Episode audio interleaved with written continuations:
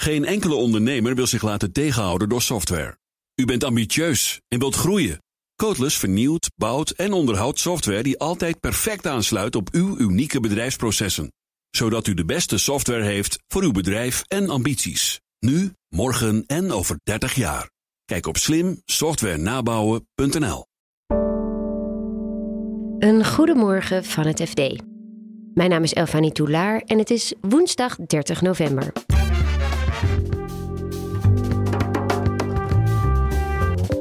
Prijsplafond voor energie zorgt voor de nodige hoofdbrekens. Energieleveranciers nu eigenlijk gebruik gaan maken van deze regeling en de prijzen flink omhoog gaan stuwen. En opnieuw is voetbalclub Juventus beland in een groot fraudeschandaal. Ja, valse opgaven van, van cijfers, valse boekhouding. Uh, het uitgeven van facturen voor niet bestaande operaties, salarismanoeuvres met, uh, met de spelers. Dit is de dagkoers van het FD. Het energieprijsplafond blijkt nogal een hersenbreker te zijn voor klimaatminister Rob Jetten. De vrees is dat het huidige systeem van omzetcompensatie zal leiden tot hogere prijzen en overwinsten. In ESB presenteren twee economen een beter plan. Ron Stoop van ESB legt je eerst even uit hoe dat prijsplafond ook alweer gaat werken. We hebben een energieplafond wat vanaf 1 januari 2023 ingaat. En daarin zijn de eh, prijzen gemaximeerd voor de consument. Dus dat betekent de consument eh, betaalt maximaal 40 cent per kilowattuur voor elektriciteit en 1,45 euro per kubieke meter gas. Dat zijn gewoon de prijzen die een consument maximaal gaat betalen. Alles daarboven, dat kunnen energieleveranciers nog wel vragen, maar die kosten worden gedekt door de overheid. Dus alles, stel een energieleverancier zegt 90 cent, dan betaalt de consument 40 cent en de overheid legt de overige 50 cent dan bij, betaalt hij eigenlijk aan de energieleverancier. Dus dat is het, het systeem, zeg maar, wat vanaf begin volgend jaar in werking treedt. Ja, en economen fronsen daarbij de wenkbrauwen. Waarom zijn ze hier niet enthousiast over? De angst bij veel economen is dat energieleveranciers nu eigenlijk gebruik gaan maken van deze regeling en de prijzen flink omhoog gaan stuwen. In de veronderstelling dat het maakt klanten nu niks meer uit, want ze zitten toch al op een maximumprijs. Dus de overheid gaat dan gewoon ja, het verschil bijleggen. Dat, uh, dat is de angst die al eerder geuit is. En um, het lijkt er inderdaad op dat meerdere energiebedrijven nu inderdaad uh, de prijzen voor 1 januari flink omhoog gooien. Waaronder Vattenfall is al begonnen, Essent, om een paar voorbeelden te noemen. Dus we zien inderdaad echt die prijzen gaan nu weer flink omhoog.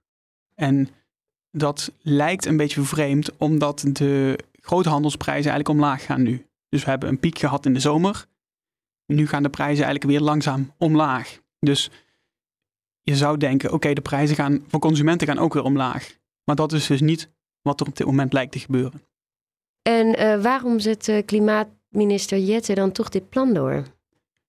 Waarschijnlijk heeft het, uh, ja, zitten daar politieke en bestuurlijke overwegingen bij. Dus politiek natuurlijk van hoeveel partijen kunnen we meekrijgen.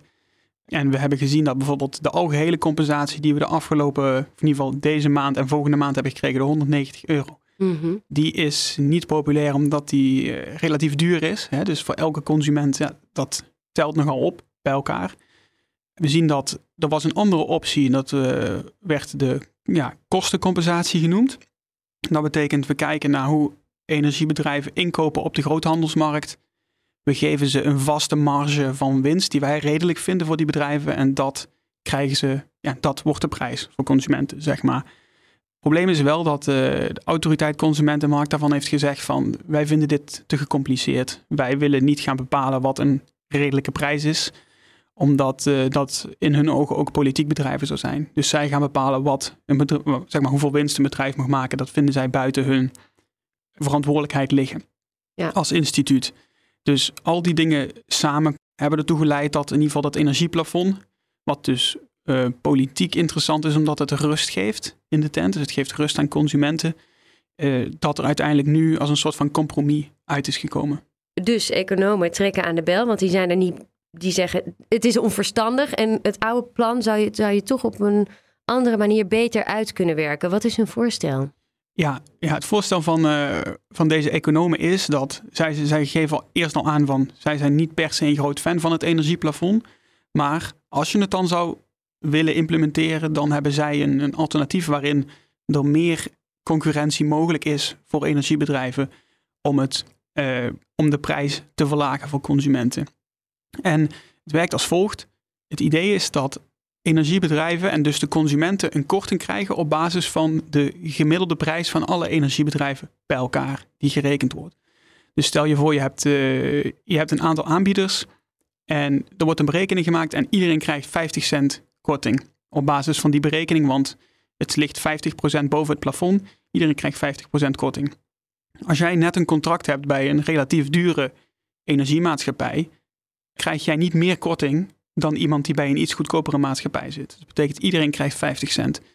Dat betekent voor jou als consument dat het heel interessant kan zijn om te gaan kijken, wacht even, ik krijg die 50 cent krijg je gegarandeerd. Misschien moet ik dan toch maar eens even gaan shoppen. Misschien is er een leverancier die en goedkoper is. En waarbij ik ook nog steeds die 50 cent blijf behouden. Dus de prikkel om um, andere bedrijven te zoeken die iets beters aanbieden, blijft bestaan. Bij een normaal energieplafond is dat niet zo, want iedereen betaalt precies hetzelfde. Dus het is 40 cent, 1,45 euro. Dus die. Het idee is dat je met dus door het gemiddelde te nemen nog steeds onderling tussen bedrijven concurrentie kan stimuleren. Omdat bedrijven dan denken, wacht even, als ik hem nou, als ik mijn energie nou even 10 cent goedkoper maak, misschien krijg ik dan wel gewoon 10.000 klanten extra. En dat betekent dus meer omzet en dus mogelijk meer winst. Dus dat is, je probeert eigenlijk weer die, het marktmechanisme of het concurrentiemechanisme terug in het systeem in te bouwen, zodat bedrijven niet zomaar uh, eh, 3 euro per kubieke meter gas gaan vragen, want dan gaat iedereen shoppen, gaan ze weg, gaan ze naar een ander energiebedrijf. Dat is het basale idee. Klinkt als een uh, slim idee. Ja.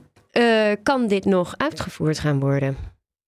Theoretisch zou het kunnen, maar de auteurs geven aan dat zij denken dat het heel erg moeilijk wordt om, om dit nog te implementeren. Omdat ja, je hebt meestal tijd nodig om, de, om deze dingen goed in te regelen en de goede randvoorwaarden te scheppen. En aangezien het plafond nu al ingaat, dus dat is al uh, ja, in iets meer dan een maand.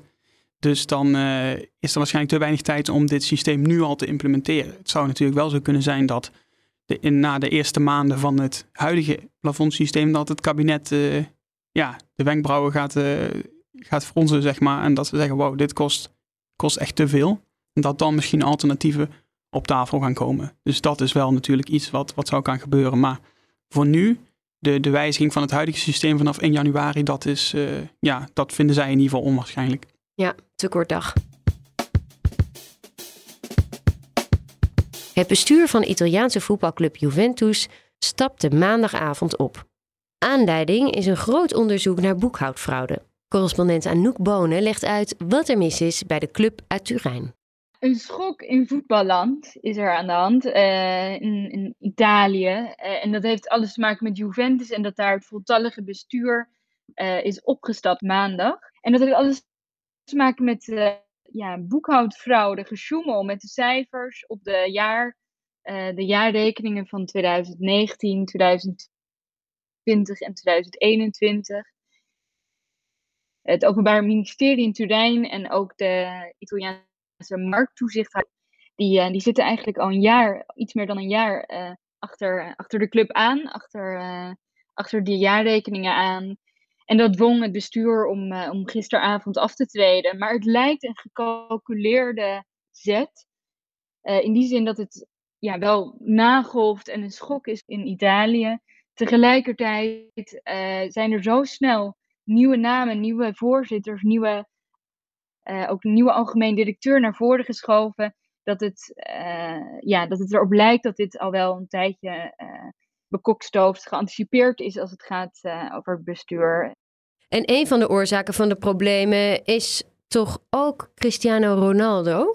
Ja, Ronaldo inderdaad. Dat is, daar wordt veel over gepraat. Daar werd veel over gepraat nog steeds.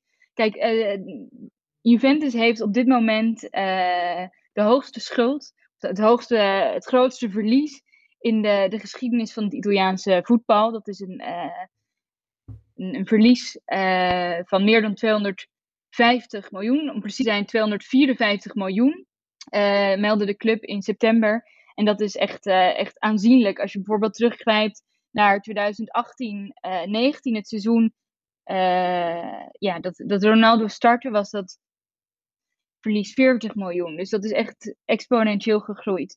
En heeft dat ook te maken met Ronaldo, die in 2018 werd aangekocht? Ja en nee. Uh, voor een groot deel ehm, is daar wel naar te wijzen, wordt er wel gezegd. Cristiano Ronaldo binnenhalen was een fout. Maar in het licht van wat we nu weten, in het licht van de pandemie. Ronaldo was dus enorm duur. Uh, tegelijkertijd betekent hij financieel ook veel voor Juventus. Adidas verdubbelde zijn sponsorbedrag. En hebben we het echt over vele miljoenen. Uh, ook Jeep deed dat. Dus, hè, en dan hebben we het dus nog niet eens gehad over de, de, de, de stijging van ticketsverkoop.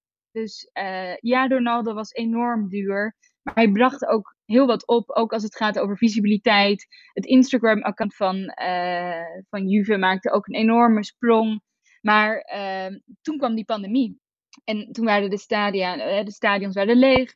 Uh, sponsoren die, ja, die trokken toen ook stekkers uit contracten. En, en, dat is een enorme financiële klap geweest. En dat heeft, ehm, ja, praat natuurlijk niet goed. Maar dat heeft waarschijnlijk het een en ander aan gesjoemel in die, in die jaarrekeningen in de hand uh, gewerkt. Uh, en dan hebben we het over uh, ja, valse opgaven van, van cijfers, valse boekhouding, het uitgeven van facturen voor niet bestaande operaties, salarismanoeuvres met, met de spelers. Ehm, en dat, dat kostte nu de kop.